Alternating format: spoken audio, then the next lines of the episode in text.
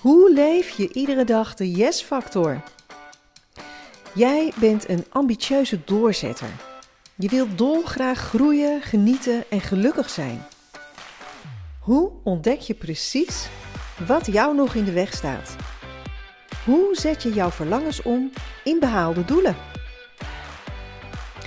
Ik daag je uit om de beste versie van jou te zijn. Als jij persoonlijk groeit, volgt het succes op alle gebieden. Fundamenteel en blijvend. Ik nodig je uit om je lat lekker hoog te leggen en vol zelfvertrouwen op je persoonlijke en zakelijke uitdagingen af te gaan. Met maximaal plezier en resultaat. Om voor jezelf, je dierbaren, je klanten en je business de definitieve switch te maken van jammer naar yes.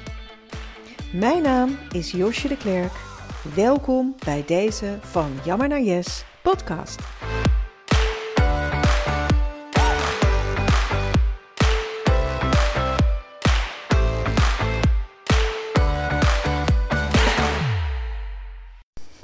Hey, hi, wat leuk dat je weer luistert naar mijn podcast. Uh, vandaag wil ik het graag met je hebben over iets wat ik vaak meeneem als onderdeel in andere podcasts.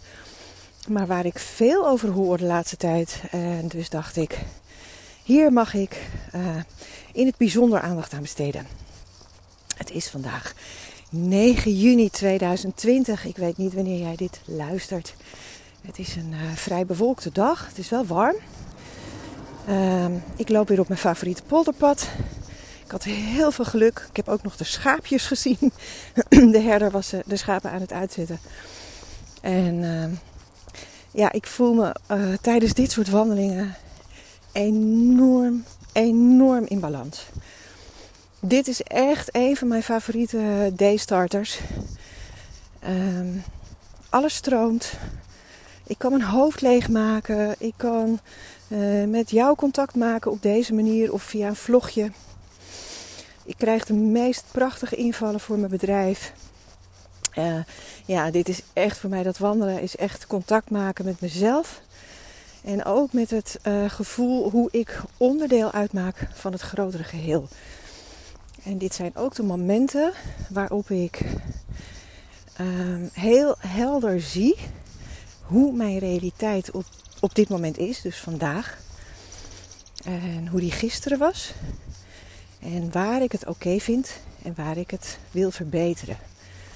En uh, ja, natuurlijk, er zijn altijd wel verbeterpunten. Zeker als je zo'n ambitieuze, ambitieus en creatief brein hebt als het mijne. Ik verzin echt altijd wel weer wat. En ja, ik verzin het niet eens bewust. Ik heb gewoon van nature behoefte aan groei. Oh, er komt even een scooter langs. Dat mag hier trouwens helemaal niet. Zo. Ze zat wel te glimlachen. Leuk hè? Ik glimlach naar haar. En haar spiegelneuronen reageren daarop door naar mij te glimlachen. Het is zo leuk, het werkt altijd. um, waar was ik? Ja, dat er altijd wel weer iets nieuws komt. En dat is niet omdat ik het bewust aan het verzinnen ben. Dat is omdat er, uh, dat, heb ik, dat heb ik zo gecreëerd. Dat er in mij altijd ruimte is, of ruimte ontstaat voor nieuwe blikken voor nieuwe visies. Wat is er nog meer te doen? Ik ben altijd nieuwsgierig naar het volgende.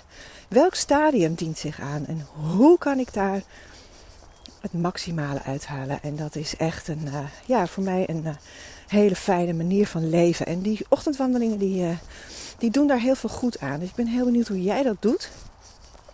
Ik heb een dierbare vriendin die reiki-sessies geeft en uh, uh, meditatiebegeleidingen doet. En zij, voor haar is het, uh, is het de meditatie waarin ze dat vooral heel erg vindt. Die stilte en die rust en die ruimte in zichzelf om, om tot nieuwe fases te komen in haar leven. En zo doet ieder dat op een andere manier. En ja, eigenlijk wil ik zeggen, ik hoop dat je in ieder geval iets doet um, om je geest en je onderbewuste die ruimte te gunnen die momentjes van stilstaan. Zie het als een springplank. Op het moment dat je stilstaat op die plank, dat is het ogenblik vlak voordat je je afzet om te gaan springen. En als je dan springt, ja, dan spring je dus de nieuwe mogelijkheden tegemoet. Uh, en als je niet stilstaat, als je blijft lopen, ja, als je blijft lopen kan je niet springen. Dan ben je aan het doorlopen, dan, dan donder je naar beneden vanaf de springplank. Snap je? Nou, dat was even een sidestep. Waar ik het over wil hebben is uh, de maximale invloed die jij hebt op je realiteit. Um, dat begint ermee dat je je realiseert dat je, uh, en dat hoor je heel vaak, altijd een keuze hebt. Dan heb je niet altijd een keuze in wat je uh, tegenkomt in je leven. En er zijn natuurlijk ook omstandigheden waar je eigenlijk helemaal niet zo op zit te wachten. Of helemaal niet op zit te wachten. Als je bijvoorbeeld een dierbare verliest, weet ik ook alles van. Uh, en daar kun je in veel gevallen ook helemaal geen invloed op uitoefenen. tenzij je daar zelf actief een aandeel in hebt gehad. Alleen je kunt wel een keuze maken in hoe jij omgaat met de omstandigheden. Een voorbeeld daarvan is dat toen mijn eerste man Pieter was overleden. Hij is uh, geschept bij het oversteken. En is na een week coma in het ziekenhuis uh, alsnog overleden. 31 was hij, waren we alle twee. Nou, de wereld stond op zijn kop natuurlijk, dat begrijp je. Uh, heel kort na zijn uh, begrafenis had ik een wandeling gemaakt met zijn beste vriend.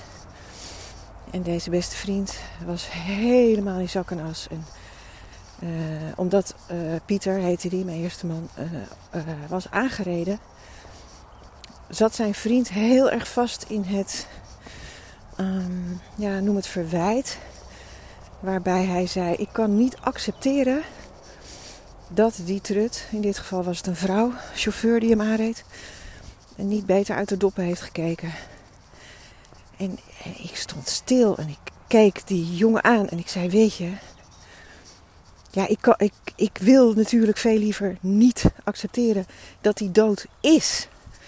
Maar ik heb al wel meteen geaccepteerd dat hij uh, zou overlijden. Want het, het ongeluk was zo ernstig. En de gevolgen daarvan waren zo ernstig dat als hij wakker zou zijn geworden, ik weet zo zeker dat hij, daar, dat, hij dat niet had gewild. En daar, daar heb ik losgelaten. Daar ben ik begonnen met accepteren. Nou, kan je vertellen, was wel een titanenklus. Uh, want dat, dat, gaf natuurlijk een heleboel verdeeldheid en verscheurdheid. Uh, uh, iemand van wie je zoveel houdt, met wie je samen op de drempel staat, hand in hand, om je jonge leven te gaan vormgeven, gezin stichten. We zouden een langere periode in het buitenland gaan wonen. En alles viel weg. Nog los natuurlijk van de diepe wond die het missen van mijn grote liefde teweegbracht. Dus het was een enorme spagaat waar ik in terecht kwam. En tegelijkertijd begreep ik ook dat daar weerstand op doen, daar weerstand, daar schuring te laten ontstaan, dat dat niet hielp. En ik begreep ook, en dat is de brug met waar ik naartoe wil, dat het kwalijk nemen van die vrouw die uh, Pieter heeft aangereden, uh, dat dat ook niet zou helpen. Zij had daadwerkelijk de loop van mijn rivier, mijn levensrivier, veranderd. Uh, ja, we kunnen ook zeggen, Pieter heeft de loop van onze levensrivier veranderd door op dat ogenblik het licht uit te doen, zijn jas aan te trekken en te gaan oversteken. We kunnen ook zeggen, ik heb het loop van die, mijn, uh, sorry, de loop van mijn rivier veranderd door uh, niet Pieter met de auto te gaan ophalen, maar hem met de auto naar zijn werk te laten gaan. En waardoor hij moest oversteken. En dus zo kun je bezig blijven. En wat ik mij heel diep realiseerde was het aloude cliché: je kunt niet teruggaan in de tijd. Ik kon het niet meer ongedaan maken. Ik kon al die stappen die er vooraf gegaan zijn uh, aan het moment waarop hij een dodelijk ongeluk kreeg, niet meer terugdraaien. Ik kon het niet meer ongedaan maken. En dus ook het stuk van verwijt naar haar uh, ging mij niet verder helpen. En ik wist, ik heb maar één ding te doen en dat is me concentreren op het hier en het nu. En hier en nu ben ik alleen overgebleven en uh, uh, wil ik daar het maximale uithalen? En wat blijft er dan? En ik ervoer dat het, het snel accepteren me een veel betere kans op een goede rouwverwerking zou geven. En ook een veel eerlijkere uh, doorleven met Pieter voor altijd in mijn hart. En zo is het ook echt gegaan. Ik ben niet wrokkig geworden. Uh, ik ben niet in het verwijt beland. Het, het, het is een open vizier gebleven. En ik heb er zoveel mooie lessen uitgeleerd. Zoveel waardevolle lessen. Uh, nou, dit, het feit dat ik niet heb uh, gedacht, niet heb ervaren en gevoeld. De vrouw die mijn liefde heeft aangereden en uh, wat uiteindelijk heeft gezorgd voor zijn dood, die heeft schuld. Zij heeft mijn leven verwoest. Het feit dat ik dat niet zo heb ervaren, heeft me een enorm inzicht verschaft in wat persoonlijk leiderschap nu eigenlijk inhoudt. Ik heb de regie behouden. Ik heb de verantwoordelijkheid voor hoe ik omging met de situatie bij mezelf gehouden. Dus tijdens die wandeling, waarop, hè, tijdens welke ik mijn vriend, zijn vriend, Pieters vriend, uh, hoorde zeggen: Ik kan niet accepteren dat. Dacht ik echt bij mezelf: Oh, dat is wat ik heb gedaan. En dat is wat ik nog elke dag doe. En dat maakte het verdriet niet minder. Geloof me. Nee, natuurlijk niet. Het gaf juist openheid en ruimte om al dat verdriet te laten stromen, wat natuurlijk zo heel hard nodig is. Um, en ja, ik heb die vriend daar wel over verteld. En het was helemaal niet het moment waarop hij dat kon ontvangen. Uh, hij begreep het ook niet. Hij zei ook, hoe kun je dat in godsnaam accepteren? En ik ben zo kwaad op haar. En later is, is, die, is dat kwartje wel gevallen. Uh, ja, daar had hij gewoon een andere tempo in en een ander stappenplan. En hij uh, heeft, daar, heeft dat gewoon op een, op een eigen manier gedaan. En het was enorm verdrietig. Ik had ook zo vreselijk met hem te doen. Want ja, het was gewoon zijn maat voor het leven die die kwijt was. En uh, ja, net als ik eigenlijk. Dus nou oké, uiteindelijk hebben we heel erg het verdriet samen kunnen beleven en kunnen delen. En uh, ja, heb ik deze mensen, hem en zijn vrouw, nog heel, heel diep in mijn hart zitten. Um, het feit dat ik regie ervoer in hoe ik omging met de omstandigheden. Dat ik niet dacht, het komt door haar dat mijn leven, uh, nou zoals ik het bedacht had, naar de maan is. Dat is wat ik enorm doorstempel in uh, hoe ik mensen begeleid. Waar zit je regie? Hoe onderzoek dat? Want dat is echt een sleutel. Um, het ervaren van regie dat doe je als je voldoende uh, overtuigd bent van het feit dat je in staat bent om het schip varend te houden. Als je denkt dat je daartoe niet capabel bent, dus niet voldoende talenten, niet voldoende skills hebt, vaardigheden hebt om jouw eigen schip op koers te houden, dan zul je dat ook veel eerder niet uitproberen of veel eerder opgeven. Als jij ervan overtuigd bent, ik kan dit, hoezeer het ook doet, hoe kut het ook is, wat er ook op mijn pad komt, maar ik kan er iedere dag het mooiste en het beste binnen de omstandigheden van maken. Of het nou fijne of minder fijne omstandigheden zijn, gewoon voluit ervoor gaan, dat doe je op basis van zelfvertrouwen. En als je geen zelfvertrouwen ervaart, dan ervaar je ook geen leiderschap en vice versa. Dat is een wetmatigheid die ik uh, aan de hand van een model, wat ik uh, tijdens mijn uh, live dagen altijd presenteer, heel helder uiteen kan zetten. En als ik het schematisch weergeef, dan begrijpen mensen heel goed wat ik bedoel. Ik, ik zal er nog een keer een video over opnemen. Dat is echt wel leuk om een keer te doen. Goed, terug naar het stuk persoonlijk leiderschap.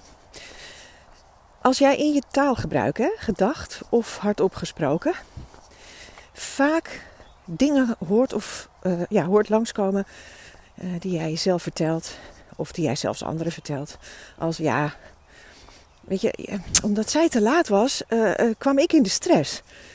Of ehm, ja, als hij die deur niet voor mijn neus had dichtgegooid, dan, dan was het heel anders gegaan. Of dat soort dingen je legt dan de verantwoordelijkheid van jouw omstandigheden, het verloop van jouw omstandigheden, ook op deze hele kleine schaal, in handen van een ander. Met andere woorden, je geeft een ander, in je taalgebruik althans, een enorme macht over jouw realiteit. Nou, ik kan me niet voorstellen dat dat is wat je wilt. Want als je zelf geen plan hebt en zelf geen verantwoordelijkheid neemt, dan word je ingezet in het plan van een ander. Dan geef je de verantwoordelijkheid voor jouw waarheid, voor jouw werkelijkheid uit handen. Als je dat eens omdraait, en dit zijn natuurlijk voorbeelden op microniveau, hè, want ja, omdat zij te laat was, kwam ik in de problemen. Ja, dat is eigenlijk gewoon zeuren. Uh, als je die zin verandert en je maakt daar bijvoorbeeld van. Ze was te laat en ik deed daar zo moeilijk over. Daardoor ontstonden er problemen. ik weet niet of jij hem voelt, maar ik voel hem wel. En ik moet er ook om lachen. Want dan, wat er dan ontstaat, is ruimte in hoe jij reageert op die situatie. Oké, zij was te laat en ik deed daar moeilijk over. Waarom deed ik daar eigenlijk moeilijk over? Nou, en dan heb ik weer een hele leuke oefening waarmee je een stukje zelfonderzoek kan doen. Heel snel, in de moment. En daar komt dan 9 van de 10 keer uit dat je op dat moment in een NIO bent gestapt. Een negatieve identiteitsovertuiging. Jij gelooft op dat moment iets over jezelf waardoor jij zo geprikkeld en slachtofferachtig, want dat is het, als je de regie uit handen geeft uh, en de verantwoordelijkheid uit handen geeft, dan ben je slachtoffer van je omstandigheden. Die geef je uit handen omdat jij op dat moment iets negatiefs op identiteitsniveau, een NIO, over jezelf gelooft. Bijvoorbeeld, zij kwam te laat. Ja, wat deed ze eigenlijk? Zij liet mij wachten. Oh, wat is dat dan voor iemand die je zomaar kan laten wachten? Dat is iemand aan wie je maling hebt. Ja, wat is dat dan voor iemand aan wie je maling hebt? Ja, die persoon die is, uh, die is echt, echt volstrekt onbelangrijk. Auw! Ik ben onbelangrijk. Die Nio kan daaronder zitten. En als jij handelt vanuit zo'n negatieve identiteitsovertuiging, als bijvoorbeeld ik ben onbelangrijk, en dat gebeurt allemaal razendsnel en op onbewust niveau. En waarom? Dat gebeurt zo snel omdat we dat al heel veel jaren op die manier onbewust doen. Dat is een routine, dat is een patroon. Maar ook daar heb ik weer hele theorieën over en dat komt op een ander moment. Op het ogenblik dat er een situatie ontstaat waarin jij een trigger van een NIO tegenkomt, van een negatieve identiteitsovertuiging, bijvoorbeeld zoals ik ben onbelangrijk. Op het ogenblik dat jij in die trigger stapt, laat jij alle verantwoordelijkheid los. Want je gelooft namelijk niet dat je in staat bent om de verandering van je omstandigheden tot een goed einde te brengen. Want als jij ten diepste gelooft, ik ben onbelangrijk, dan zet jij geen belangrijke stappen. Als jij ten diepste gelooft en ten diepste overtuigd bent, ik ben waardeloos of zoiets, dan creëer jij geen waardevolle omstandigheden voor jezelf. Dus die NIO's liggen ten grondslag aan jouw denken, voelen en handelen. En dat handelen, dat bepaalt natuurlijk hoe jouw realiteit eruit ziet. Nou, dus hoe pas je nu maximaal leiderschap toe? Begin eens bij je interne communicatie. Wat denk en zeg jij allemaal? En in hoeverre neem jij uh, in je taalgebruik, wat is hoorbaar in je taalgebruik, neem jij de regie? En begin daar eens mee. Begin eens heel klein dus niet van, Jezus, uh, die zak die uh, heeft zijn sokken weer laten slingeren. Ik ben hier ook altijd de koelie of de sloof. Nee, draai dat eens om. Ga naar je partner, de zak in dit geval. en zeg tegen jouw zak, ik neem aan dat ik een vrouw aanspreek op dit moment, weet ik natuurlijk niet. Of jouw trut. zeg tegen je partner, Lieve schat, kan het kloppen dat dit jouw sokken zijn? Nou, de ander zal daar uh, vast en zeker bevestigend op antwoorden. En vraag dan, stel dan eens een vraag. Zeg dan bijvoorbeeld eens: Goh, heb je ze bewust naast de wasmand gelegd of was het uh, een per ongelukje? dan ontstaat er lucht in de situatie. Je brengt er humor in. Je maakt verbinding met de ander. In plaats van dat je uit contact gaat door. Nee, nee, nee. En die zak legt ook al zijn sokken, laat ze slingeren, legt ze naast de wasmand. En ik moet het weer opruimen, want ik ben de sloof. Nee, je bent niet de sloof. Je wil in contact met je partner. Je doelstelling is dat je partner in het vervolg niet meer zijn of haar sokken naast de wasmand legt, maar ze gewoon even indeponeert. Dus kijk even naar het grotere geheel en let op je eigen interne taalgebruik, op je reactie. En je moet eens kijken als je de steen in je rivier op die manier verlegt, wat er dan gebeurt. Het is een heel klein voorbeeldje over uh, het nemen van leiderschap. Nou, ik heb er uh, bijna weer een hele ochtendwandeling op zitten. Ik hoop dat ik je hier weer mee heb kunnen inspireren. En uh, als je vragen hebt, uh, mail me dan naar info.josjedeklerk.nl En als je op mijn website wil kijken, is het josjedeklerk.nl Er staan nog meer podcasts uh, gratis te beluisteren op mijn website. Mocht je deze podcast nog horen voor 11 juni 2020, dan kun je nog instappen in mijn challenge, gratis. Een journaling challenge innerlijke reis. Je gaat ontdekken uh, onder andere een klein stukje communicatie, maar ook vooral wat zijn nu eigenlijk jouw intrinsieke verlangens? Waar raak je van in flow? Hoe kun je het beste jouw aangeboren talenten inzetten? En uh, hoe zet jij stappen naar ja, die allermooiste realiteit die je graag voor jezelf wilt creëren? En hoe ziet die er dan uit? Mocht je later mee willen doen, dan kan dat ook nog. Maar dit is wel echt een gezamenlijke start waarin we ook uh, uh, samen de uitwerkingen delen, desgewenst in de Facebookgroep.